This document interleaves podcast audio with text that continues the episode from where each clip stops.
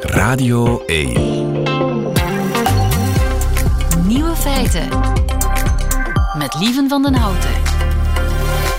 Dag en welkom bij de podcast van Nieuwe Feiten, geïnspireerd op de uitzending van 2 mei alweer, dinsdag 2 mei 2023. In het nieuws vandaag dat Liz Truss een gepeperde hotelrekening gekregen heeft van 13.600 euro. Liz Truss, de vorige premier, Britse premier, ging vorige zomer op hotel, ergens op het glorieuze Britse platteland. Ze zat in pole position om Boris Johnson op te volgen, die was opgestapt en in het hotel verzamelde ze al haar vrienden en trouwe partijgenoten om samen het toekomstig regeringsbeleid vorm te geven. Een beleid overigens dat zo desastreus bleek dat Truss na 49 dagen als premier al moest opstappen.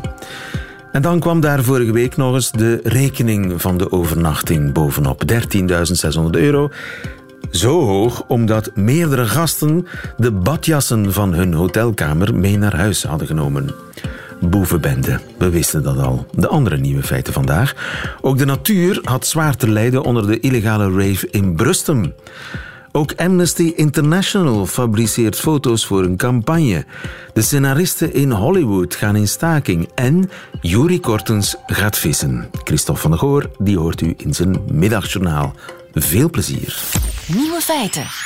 Radio 1. Normaal is het rustig in Brustem bij Sint-Truiden.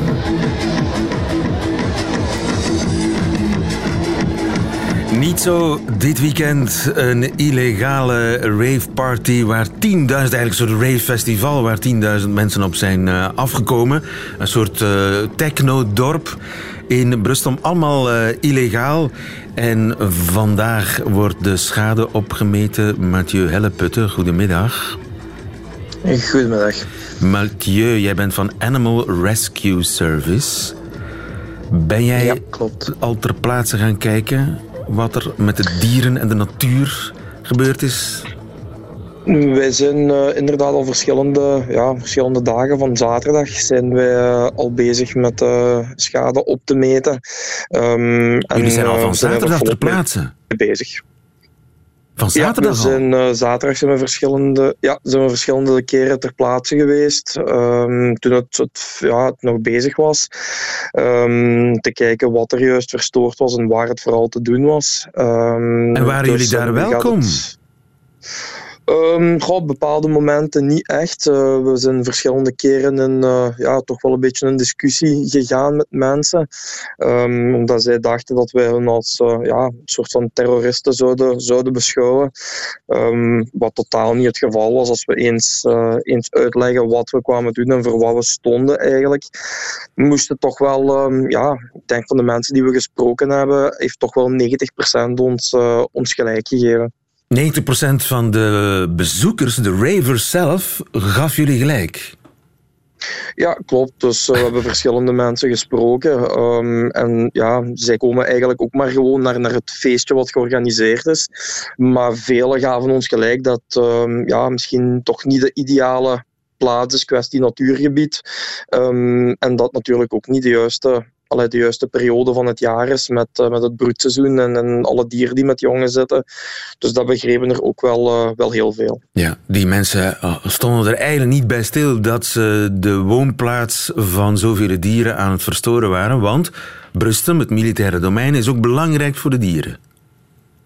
Ja, klopt. Um, er is sowieso al, uh, al, ik denk, een 100 hectare ongeveer van het, uh, van het domein is uh, Europees beschermd um, graslanden. Dus buiten, om zo te zeggen, alleen nog maar de grote dieren die we zo direct zien. Dan heb ik het bijvoorbeeld over, over reeën, um, de, de grotere vogelsoorten die, we, die we snel en direct opmerken. Hebben we natuurlijk ook nog de graslanden, de insecten, de aanplantingen van van Natuurpunt, Agentschap Natuur en Bos enzovoort, waar ook ja, toch redelijk wat, wat vernielingen aangebracht zijn. Vernielingen? Hebben jullie al vaststellingen gedaan? Er zijn al vaststellingen gebeurd. Er zijn verschillende dassenburgten, waarvan twee dat we sowieso al weten die um, ja, heel zwaar verstoord zijn. Um, en Hoe zie je dat? Dus die, uh, die zijn heel zwaar verstoord. Wat Ehm, betekent wat, waarvan- wat- vernield? Wat betekent dat? Ehm, eh, Ja, vernield. Er zijn er, eh, er, zijn er te- één sowieso die we al gevonden hebben, waar zelfs menselijke uitwerpselen in liggen. Ehm, dus ja, hebben is erin eh, gekakt. Ja, dat is de korte samenvatting. Ehm, inderdaad. Eh, en dan voor de rest, ja, heel veel vertrappeld natuurlijk. Ehm, dus ja, er zitten jonge dassen in momenteel. Dus het gaat een beetje, een beetje erom spannen wat, eh, wat de ouders gaan doen. Eh, oftewel, wat er kan gebeuren is dat de ouders, de moeder dan, de jongen gaat doodbijten van de stress, eh, oftewel vertrokken is en niet meer terugkomt naar de burcht. Dus dat gaat een beetje, een beetje afwachten zijn. Dus dat zijn dassen en dassenburgten die ja, bevuild zijn en vernietigd. Eh, de, de- je hebt natuurlijk ook eh, eh, grotere reeën en zo. Wonen die daar ook? Inderdaad, het is een, eh, een redelijke populatie van reeën die, eh, die zich daar, eh, daar bevindt. Nu, we hebben al één dode ree teruggevonden, meteen zaterdag, toen, het, toen het pas aan de gang was. Er was ook een, een ja, lacterende moeder. Dus er zijn één of twee jongen die ergens liggen. Ehm, En hoe is die ree aan haar eind gekomen? Eh, idee die heeft zich letterlijk, eh, ja, die heeft zich letterlijk eh, ja, kapot gelopen tegen, tegen de draad, puur van, eh, van eigenlijk weg te willen geraken van, eh, van de begankenis en het lawaai. En die heeft zich doodgelopen tegen, tegen de omheining. Fuck. Dat is, ex- dat, is, dat, ik, dat is wel heftig. Ja, het zijn, eh, we weten sowieso, reeën zijn zeer stressgevoelige dieren. Ehm, dus ja, dit was, eh, was een beetje ja, een beetje erover, om het zo te zeggen. Dus eh, pure stress vluchten die weg. Het zijn allemaal, allemaal vluchtreacties van dieren natuurlijk. En er staat overal, overal omheining. En als ze dan niet meteen wegraken, ja, dan eh, lopen ze zich echt te pletter. Ja. Dus één dode ree, misschien vinden we er nog. Ga je, ga je, mag je er eigenlijk nu op, want nu neem ik aan dat daar eh, gerechtelijk eh, onderzoek bezig is. Kan, kan je nog gaan kijken? Ehm, wij hebben uitzonderlijk toestemming gekregen van het eh, agentschap Natuur en Bos om, om verder schade op te meten. Ehm, zodat zij zich ook met eh, natuurlijk de, ja, het papierwerk kunnen bezighouden. Ehm, dus het is de bedoeling dat wij op het terrein zelf ehm, de schade gaan opmeten. Alles eh, beeldmateriaal maken, foto's, video's van alles Ja. wat we vinden. Ehm, en dat we eigenlijk ja, een tweede helft van, van de week, donderdag, vrijdag, eigenlijk alles bundelen en doorsturen naar Ja. de, de inspecteurs van Agentschap Natuur en Bos die Ja. ermee bezig zijn. Want ik lees links en rechts dat de organisatoren ervoor zorgen dat, er, dat het eigenlijk geen bende is. Het is, niet, eh, het is beter dan na eh, een festival, een regulier festival, waar je het terrein natuurlijk bezaaid is met allerlei afval. Ze laten de afval netjes in plastic zakken achter. Klopt dat? Eh, er, ligt heel veel afval. Nu, ik moet wel zeggen, hetgeen wat, eh, wat we gisteren al hebben kunnen vaststellen, het afval is inderdaad wel, eh, wel geclusterd. Dus er zijn heel veel plaatsen waar ze hopen gemaakt hebben met, met afval, ehm, waar het inderdaad schoon in, in zakken steekt enzovoort. Maar er zijn ook plaatsen, ehm, gelijk bijvoorbeeld aan de, de Dassenburg, waar ja, dan inderdaad menselijke uitwerpselen liggen. Ehm, daar ligt het wc-papier, er liggen onderbroeken, maandverband, eh, noem maar op. Dus er zijn plaatsen waar het, ja, waar het gewoon niet opgeruimd is. Maar Ja. ik moet zeggen, grotendeels is het wel, ehm, is het wel mooi geclusterd allemaal. Ja. En sporen van vuurtje stook? Ja, die zijn er helaas ook. Ehm, ook weer daar, natuurgebied natuurlijk. Ehm, het, is, ja, het is niet echt eh super droog, maar het is ook niet dat, eh, dat de grond nat is. Dus ja, het heeft ook weer, ehm, ook weer bepaalde risico's met zich meegebracht, denk ik. Maar goed, daar is eh, al bij al nog, nog wel wat gespaard gebleven. Ja. Bloed je hart, Mathieu? Eh, ja, natuurlijk. Allee, het, is, het is het terrein wat hier toch wel door veel mensen die, eh, die met natuur bezig zijn en zo, die het allee, opvolgen, ehm, is het een, een schoolgebied wat ehm, ja, toch voor een, een, een groot stuk of, of eh, een gedeelte stuk gaat vernield zijn en heel zwaar verstoord is. Dus van de ene kant doet het, eh, doet het zeker, zeker pijn. Ja. Ja. Goed, ik wens je sterkte bij het verdere opmeten van de schade in Brustem. Mathieu Helleputte van Animal Rescue Service. Dankjewel. Goedemiddag. Dankjewel. Radio 1. Nieuwe feiten. Foto's fabriceren om dingen te bewijzen. Zou zelfs Amnesty International dat doen?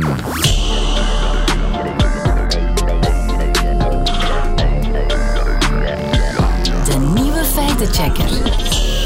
Rien Emery, goedemiddag. Goedemiddag. Een poster van Amnesty International heeft de interesse gewekt van factcheckers over de hele wereld. Wat is er op die poster te zien? Wel, je ziet een jonge vrouw die gedrapeerd is in de Colombiaanse vlag. En ze wordt gearresteerd door een aantal Robocop-achtige politieagenten in Colombia, weggesleurd van een protest.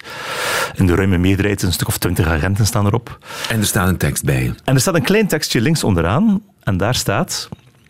ehm, Nee, er staat een grote tekst op, vooral de duidelijkheid, die, die gaat over uh, een hervorming die nodig is van de Colombiaanse politie. Vooral dan van die gewelddadige arrestatieeenheden. Maar links onderaan staat er ook een heel klein tekstje. Aha. Ja. En daar staat heel klein, in kleine letters, dit beeld is gemaakt met artificiële intelligentie. Oh. En dat betekent, het is geen echte foto. Het is inderdaad, net zoals het zo vaak al gebeurd is, een beeld dat gemaakt is met een beeldgenerator op basis van artificiële intelligentie, zoals Midjourney of Stable Diffusion. Je typt een zinnetje in en er rolt gewoon een beeld uit. Dat Wacht exact even. Amnesty International klaagt hiermee aan het politiegeweld in Colombia, Mhm. maar heeft daar geen beeld van. Wel, ze hebben wel beelden. Dat is natuurlijk wel... Maar waarom gebruiken ze dan niet de echte beelden? Wel, dus ze hebben daar een ietsje sterker. Ze hebben er een verklaring voor, aanvankelijk. Eh, de verklaring was van ja, we hebben heel veel videobeelden en foto's en getuigenissen van politiebrutaliteit in Colombia, waar al twee jaar eh, protesten tegen de regering aan de gang zijn. Onder andere ook over die politieeenheden die zouden moeten hervormd worden. We hebben heel veel beelden, zegt Amnesty. We hebben rapporten gepubliceerd. Maar in dit geval, om, het is de, twee- de tweede verjaardag van het begin van die protesten, om dat onder de aandacht te brengen, hebben we gekozen voor dit beeld. Want ja, we wilden niet dat er mensen herkenbaar in beeld werden gebracht, die dan zouden in, in de problemen kunnen komen nadien, nadat ze herkend worden op foto's als, eh, als eh, demonstranten. Dat was de verklaring aanvankelijk, maar door de storm aan kritiek zijn ze toch erop teruggekomen en hebben ze het offline gehaald. terug. Ja. Ja. Dus ze geven eigenlijk toe dat ze een, een geweldige blunder hebben gemaakt. Ja, Want Vooral, vooral als het gaat om mensenrechten schendingen, is beeldmateriaal extreem belangrijk. We hebben heel veel organisaties... Bewijsmateriaal, beeldmateriaal. Voilà, je kan rapporten schrijven, je kan getuigenissen opmeten, maar als je beeldmateriaal hebt, video's of foto's van het is echt gebeurd, dat is onlogenbaar. En om dan net daarvoor een AI vals beeld te gebruiken, dat heeft dus Amnesty... Ze, ze slaan eigenlijk hun eigen wapens aan degelen. Ja, maar het is wel te verklaren, omdat het ook zo gemakkelijk is. Het is zo makkelijk om het te doen.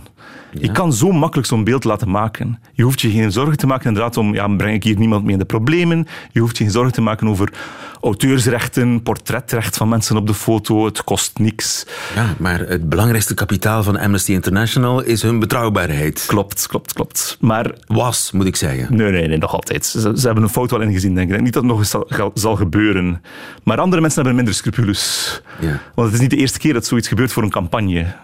Vorige week, Biden kondigt aan, Amerikaans president, ik wil herverkozen worden. De Republikeinen hebben meteen een spotje gelanceerd. Een video van ongeveer een minuut lang, die volledig gemaakt was met artificiële intelligentie.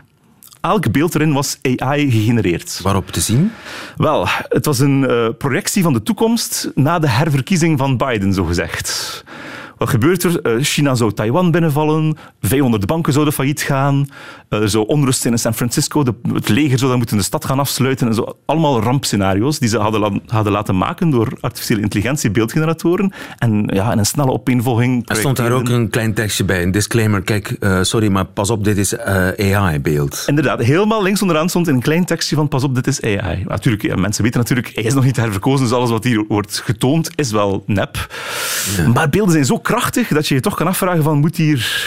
Mag dat wel? Ja, eh, ik las ook in de krant dat de godfather van AI is op 75 is hij, Hij gaat op pensioen bij Google, hoe heet hij, Hinton? Eh, ja, zoiets denk ik, ja. En eh, zijn laatste woorden zijn, pas op met AI. Ja, inderdaad. Ik bedoel, hij heeft het uitgevonden en- hij beweert, ja, het valt niet meer te stoppen. Eh, wij, het hele internet zal overspoeld worden met allemaal valse foto's, valse video's. Hij is een van die mensen die wil dat er een pauzeknop ingeduwd wordt op de ontwikkeling van artificiële intelligentietools. Dat we daar even moeten mee stoppen en over nadenken. En vooral dan misschien moeten we erover nadenken van hoe gaan we aanduiden wat nep is en wat echt is. En dan wordt er gekeken naar cryptografie en watermerken en zaken eraan toevoegen van zo- zowel echte beelden als nepbeelden, zodat je telkens kan in een vast ledger, een soort logboek kan bijhouden van dit was echt en dit was niet echt.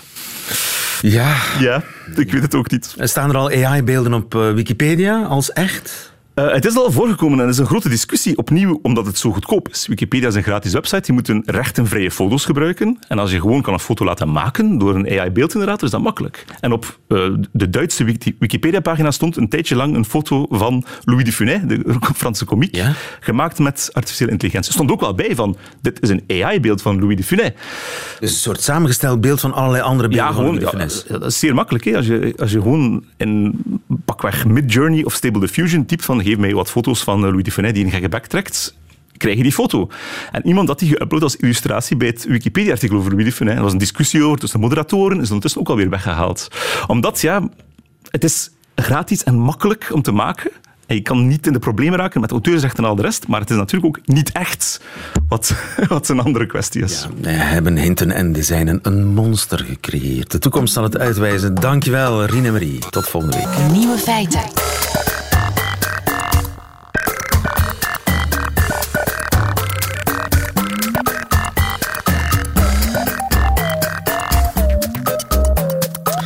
De scenario-schrijvers in Hollywood willen staken voor het eerst in 15 jaar. Lieve trio, goedemiddag. Dag lieve, goedemiddag. Onze filmkenner. De Writers Guild of America, de belangenorganisatie van duizenden scenario-schrijvers in de Verenigde Staten. Die uh, organisatie heeft opgeroepen tot een staking. Waarom? Ja, die leggen de pen uh, neer, inderdaad wel. Um, het komt uh, omdat ze om de drie jaar hun uh, collectieve arbeidsovereenkomst eigenlijk heronderhandelen met de, de werkgevers, de, de studio's en de tv-zenders, Netflix, Warner Brothers enzovoort. Um, dus daar onderhandelen ze over, over hun arbeidsvoorwaarden, dus ook over geld natuurlijk. En die onderhandelingen die zijn deze keer afgesprongen. Ze zijn niet content. En wat is het, de steen des aanstoots? Um, het is een heel existentiële crisis. Dus de uh, Writers Guild of America, die vakbond van de scenaristen, die spreekt over the survival of writing as a profession is at stake. Dus het overleven van het schrijfberoep staat op het spel. Um, enerzijds gaat dat over geld natuurlijk, um, want er is de afgelopen jaren een, een echte contentboom geweest. Dat wil zeggen, er is veel meer te zien, er zijn veel meer programma's gemaakt. Uh, en dat komt natuurlijk door streaming, hè, de, de streamingplatformen die enorm zijn opgekomen. En je zou dan denken, dat is een goede zaak voor de scenaristen, die hebben dan meer werk. Maar het is toch niet zo'n goede zaak, want de, de, de, Amerikaanse scenaristen, dus de mensen die die toch bedenken, die series, die delen eigenlijk niet echt in die weelde.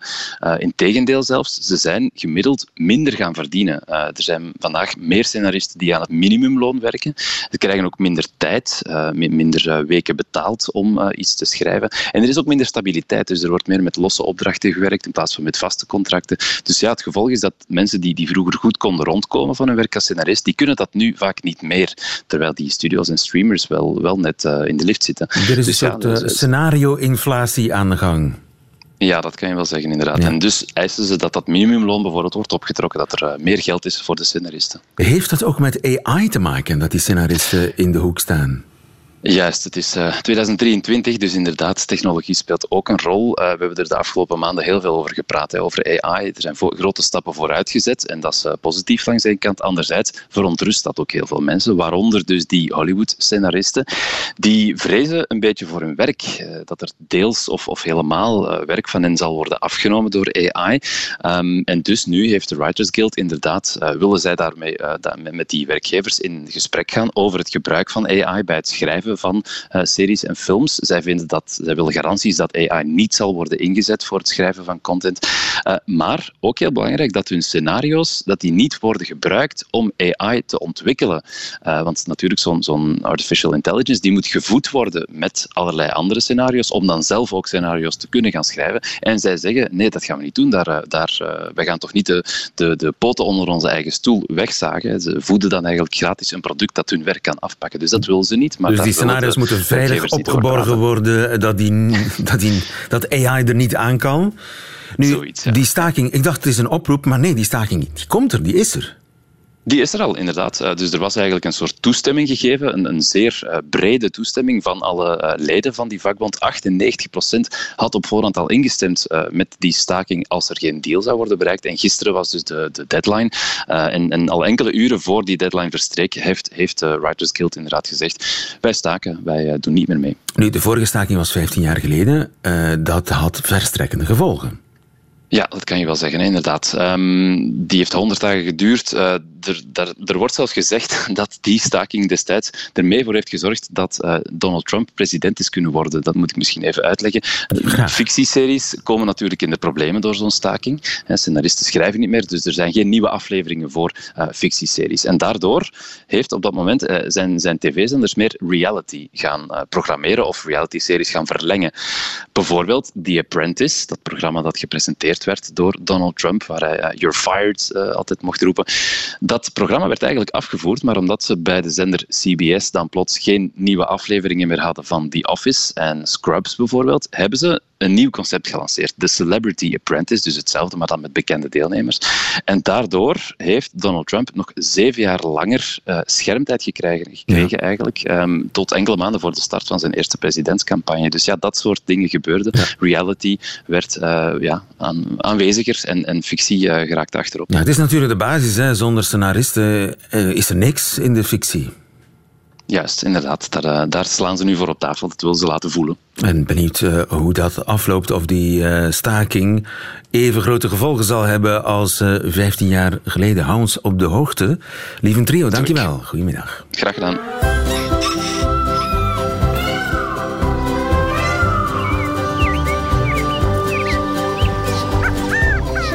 Juri Buiten. Juri Kortens. Ja, de dinsdagen worden alsmaar draaglijker en leuker voor Juri Kortens, want ook het weer wordt mooier. Op deze 2 mei is Juri Kortens, lesgever bij Natuurpunt, weer door ons naar buiten gestuurd. Goedemiddag, Juri. Oeh, Juri. Ja, goedemiddag. Juri, waar ben je en wat ben je aan het doen? Ik dacht, het is mooi weer, of begint mooi weer te worden. Uh, dus ik ga maar lekker zwemmen. Ik sta, ik sta knie in het water. Uh, en ik ben aan het vissen, lieven. Aan het vissen? Ja, ja, ja, niet met een hengel of zo. Ik heb een, eh, een schepnetje. Het is ook een hele kleine beek. Ze is uh, ja, amper een meter vijftig breed. En, en ja, dus net kniediep uh, in het midden. maar ze is, ze is redelijk mooi. Hè. Dus het is redelijk zuiver water. Er staan veel waterplanten in. Um, er is nog niet te veel bemest in de akkers rondom. Dus eigenlijk is de kwaliteit op dit moment best goed. En dus het is de ideale tijd om met een schepnetje in de beek vangsten te gaan doen. Maar waarom wil je vissen vangen? Om ze, heb je honger?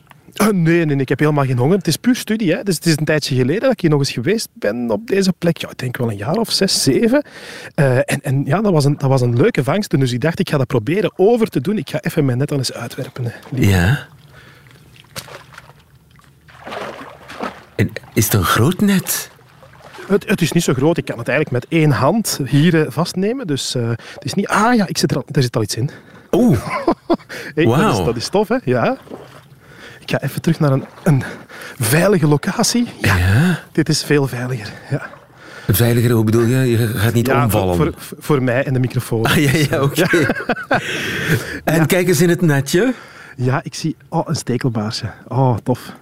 Een ja. stekelbaars. Ja, ja, meer bepaald een driedoornige stekelbaars. Een drie... Er zijn, ja. er zijn uh, ook vierdoornige stekelbaars? Uh, vier, vier, niet, maar tiendoornige. Ah, oké. Okay. Uh, ja, het verschil is eigenlijk de driedoornige, die heeft effectief drie doorns op zijn rug. De tiendoornige, dat is eigenlijk de ongeveer tiendoornige. Dat is tussen 8 en 12. okay. Maar men heeft daar dus een gemiddelde voor gekozen. En dat zijn super toffe visjes. En die zijn op dit moment zelfs in paarkleed. Of in paaikleed, moet ik zeggen. Want echt paren, dat doen die vissen natuurlijk niet. Paaien. Eh, paaien is eieren leggen. Hè? Paaien, ja, ja, ja. Dat is niet echt paren. Paaien is echt gewoon lossen nee, van eieren. De vrouwtjes leggen de eitjes en de mannetjes die bevruchten die dan. Maar bij die stekelbaarsjes is er iets heel bijzonders aan de hand. Die mannetjes die maken een nest. Uh, een soort van mancave. Ze hebben een slijm dat ze uitscheiden en dan zwemmen ze tussen planten door en dan wordt dat zo een, ja, een sokje, een kokon. Uh, en dan gaan ze vrouwtjes proberen te lokken naar die locatie. Ze zijn op dit moment super mooi. Een buik, ik heb een hele mooie rode, een, buik, een rode buik. Het paaikleed. Blauwe ogen, dat is het paaikleed van het mannetje. En uh, hij probeert dus vrouwtjes te lokken. En hij doet dat redelijk, redelijk uh, heftig, want hij gaat daar naartoe. En als een opgewonden puppy zit hij daar dan rond te, te dartelen. En hij duwt die tegen haar buik. En als ze dan zin heeft, dan, uh, dan gaat ze gewoon in zijn mancave. In die sok? Uh, ja, in die sok. Zij zwemt daardoor, legt haar eitjes af en gaat dan, uh, daarna gaat dat mannetje erdoor om die eitjes te bevruchten. En het, het super toffe is, die gaat die ook nog ja, bewaken. Hij is, is eigenlijk de nieuwe man. Hij gaat gewoon zorgen dat die kleintjes niet zomaar weggaan, dat die beveiligd worden tegen andere rovers en zo. Dus dat is echt een super tof visje. Dus hij gaat die eitjes bewaken, een soort poortwachter bij, de, bij zijn eigen sok, die hij zelf gebouwd heeft met, met, met zijn slijm. Ja, dat zijn tientallen uh, eitjes en tientallen jongen dan uiteindelijk op den duur. En als die dan te, weg, te ver weg gaan, dan gaat hij die gewoon halen. Zegt, kom, terug, kom, hop, hier is het veilig. Want er zijn natuurlijk altijd rovers op de kust. Hè. De snoeken die hebben gepaaid, uh, al in maart ongeveer, maart, uh, in koud water. En die jonge snoeken, ja, die eten natuurlijk ook allerlei andere vissen op. Dus super gevaarlijk voor de kleinere stekelbaars. En dus die stekelbaarsman die bewaakt zijn kroost en zijn eitjes die hij bevrucht heeft. Want hij trekt dus een, een ander kleed aan. Hij verandert van kleur werkelijk om, die, om dat vrouwtje te lokken. Maar is eigenlijk niet zozeer dat vrouwtje dat hij op het oog heeft, maar haar eitjes. Ja, hij moet gewoon haar eitjes hebben. En zij komt maar heel even gepasseerd. Uh, en hij houdt het niet bij één vrouwtje. Hè. Hij gaat er gewoon verschillende proberen te lokken in hun net. Of in zijn, uh, zijn, zijn nest. om dan zoveel mogelijk eitjes te krijgen die hij kan bevruchten. En het is echt ja, een soort van wenspapa, zal ik maar zeggen. Maar ja, ja. die er heel veel wil. Een, een, een, enorm, gigantische kinderwens heeft hij. Ja, Zij, ja, en uh, kijk hem eens in, in, in zijn oogjes. Wat ga je er nu mee doen? Met je... Oh, ik ga die terug vrijlaten. Je gaat die terug vrijlaten? Ja, tuurlijk. Het was puur om, om eens te bekijken. Ja, ik ben ondertussen, ja zeker, ik ben ondertussen nog eens een nieuwe schep aan het wagen, lieve. Want ja. Vorige keer zaten hier eigenlijk heel toffe modderkruipertjes in. Modderkruipers? En, ja, je zou dan denken... Die zitten ook in onze Vlaamse beken. Ja, ja, ja, die zijn zeldzaam. En hier in het, uh, het stroombekken van de kleine neten in de Kempen, dat is eigenlijk ongeveer de enige plek waar die wat zitten. En ik heb ze nog niet gevonden vandaag. En dat, dat, dat baart mij wel een beetje zorgen, want dat is een redelijk zeldzame soort. Ja. Uh, en ik heb een andere gevonden en dat is iets minder goed nieuws. Dat is de blauwbandgrondel. De blauwbandgrondel? Ja, of blauwband. En dat is eigenlijk een exotisch visje. Dat is dus slecht nieuws dat hij in, de, in het netenbekken zit. Ja, ja, ja, ja, die zit eigenlijk overal ondertussen. Die komt uit Azië, is dan via ja, zelfs aquaria en ook vaak via ballastwater wordt die ook verspreid. Ballastwater? Uh, uh, ja, in, in schepen. Dus schepen die ah, komen bijvoorbeeld, ik zeg maar, in de Donau en die gaan dan via de Donau naar de Rijn en naar de Maas. En op, de, op die manier wordt eigenlijk ja, die visjes over heel Europa verspreid. Ja, en waarom is die niet welkom, die blauwe band? die eet heel veel, heel veel broed van andere visjes op. Dus ook eventueel van die, eh, van die kleine modderkruipers, eh, omdat die gewoon hun eitjes zomaar ergens deponeren. Als je dan bij de stekelbaar ziet, die bewaakt dat, dus daar kan die blauwbandgrondel helemaal niet, uh, niet binnendringen. Maar bij die andere, die gewoon hun eitjes zomaar overal verspreiden, ja, die eet die eigenlijk helemaal op. En dan zie je dat die, dat die waterpartijen volledig overnemen op veel locaties. Ja. Dus dat is uh, minder goed nieuws. Laten, uh, wat doen, uh, gaan we die teruggooien of gooien we die weg? Moeten we die bestrijden? Eigenlijk, eigenlijk is er een bestrijdingsplicht van die blauwbandgrondels. Of je mag ze ook niet meer houden. Je mag er eigenlijk, uh, het enige probleem is, ik heb nu een paar keer geschept en er zitten er een paar in. Dat wil zeggen dat die echt met heel, heel, heel veel, ja. zitten. Want er zit flink wat vis in dat beekje van jou daar ja, in Ja, best wel hoor. Ja, het is echt wel, uh, het, is, het zit veel in. En het toffe is eigenlijk dat het is, het is moeilijk om in te schatten hoe diep dat die gaat zijn. Als een beekje zo wat kronkelt, uh, aan de buitenbochten, daar gaat het water wat sneller. Daar is het vaak echt wel veel dieper. En ik had ze net zo'n locatie. De binnenbocht was 5 à 10 centimeter. De buitenbocht, dus een anderhalve meter verder, ja, die, was, die was waarschijnlijk ongeveer een meter diep.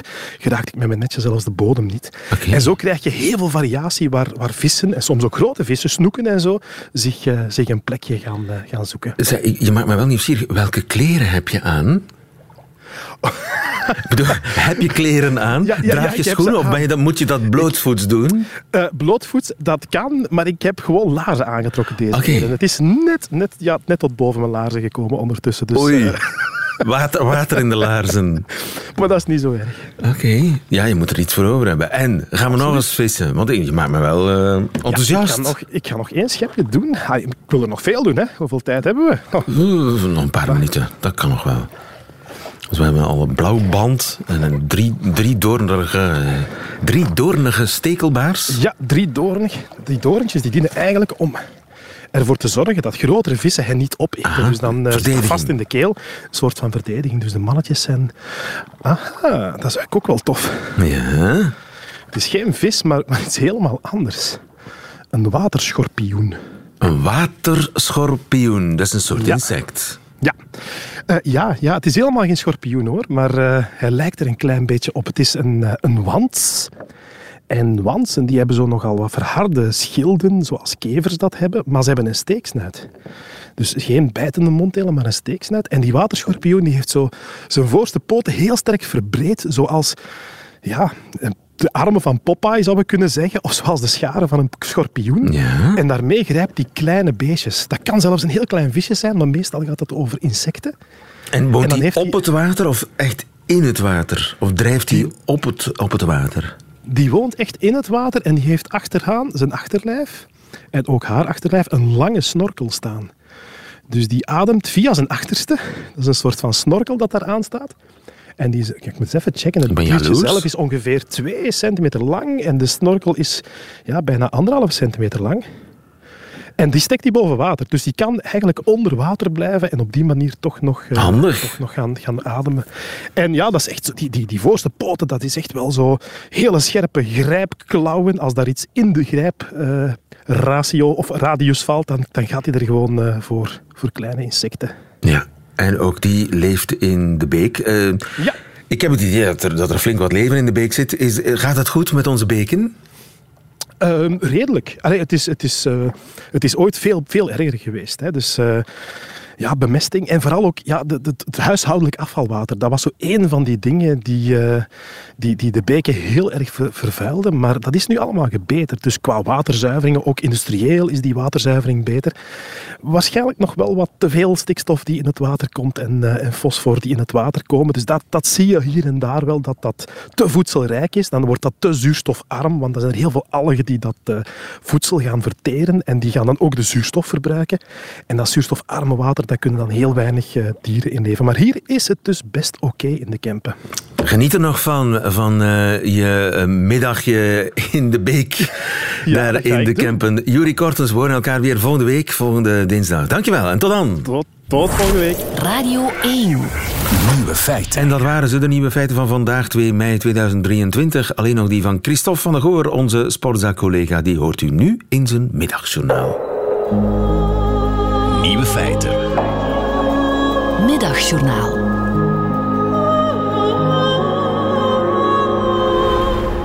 Goedemiddag. Ik zal maar meteen met de deur in huis vallen. Ik ben jarig vandaag. Ik maak die dag waarop ik ben geboren al voor de 51ste keer mee. U kent ze wel, die fantastisch geïnspireerde verjaardagswensen die je dan krijgt via WhatsApp, Facebook, sms of een echte verjaardagskaart. Proficiat en maak er een mooie dag van. Er is er één jarig, hyper de piep. Of nog beter, proficiat en geniet ervan. Felicitaat, al even onderweg, maar het leven begint pas bij 40 of 50. Ik kan u verzekeren, beste luisteraar, je haalt veel inspiratie uit zo'n verjaardag. Ik probeer altijd vrij te zijn op mijn verjaardag, vrij in de zin van niet werken. En eerlijk gezegd is dat de laatste jaren vrij goed gelukt. Daarom heb ik dit cursiefje gisteravond laat geschreven toen de huisgenoten al in bed lagen. Nu ga ik er toch eens extra op letten, dacht ik, zo net voor middernacht, of ik bij het slaan van de middernachtkklok vervuld word van een warme gloed of een extraordinair gevoel in het hoofd. Bij de overgang tussen een gewone en een verjaardag. Ik werkte naar dat hoogtepunt toe en hoopte dat ik bij het verjaren veel meer inspiratie en een formidabel slot van dit stukje zou kunnen verzinnen. Ping! En nog één, ping! Dus toch, dacht ik, en ik nam meteen de gsm ter hand. Pushberichten van verschillende media over de briljante Luca Brissel. Op de keper beschouwd is het best wel vreemd dat je gevierd wordt voor iets waarmee je totaal niets te maken had of geen enkele verdienste aan had. Hè? Je ouders wel, maar jij niet. En toch word je daarvoor gefeliciteerd. Voor welke andere gebeurtenis waarvoor je geen enkele moeite hebt moeten doen, is dat nog het geval? Op zich is dat een beetje absurd. Verjaardag. We zijn weer een jaar verder. Die dag dus. Feestdag, eetdag, gezellig samen zijn dag, cadeautjes krijgen dag, hopelijk, kaarsen uitblaasdag voor de kleintjes, maar vooral een we denken aan jou dag. Ik keek tot slot nog even in het digitale woordenboek om te checken wat er precies bij dat woord verjaardag staat. De herdenking van een geboortedag, maar ook een feestelijk gebeuren. Geef toe, het middagjournaal mogen maken op je verjaardag, feestelijker dan dat wordt het niet.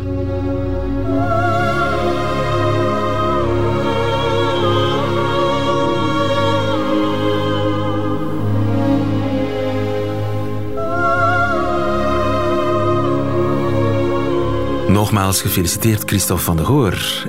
In zijn middagjournaal hoorde u hem. Einde van deze podcast van Nieuwe Feiten. Hoort u liever de volledige uitzending? Dat kan natuurlijk elke werkdag live tussen 12 en 1 uh, op Radio 1. Of on demand via de website of app van Radio 1. Tot een volgende keer.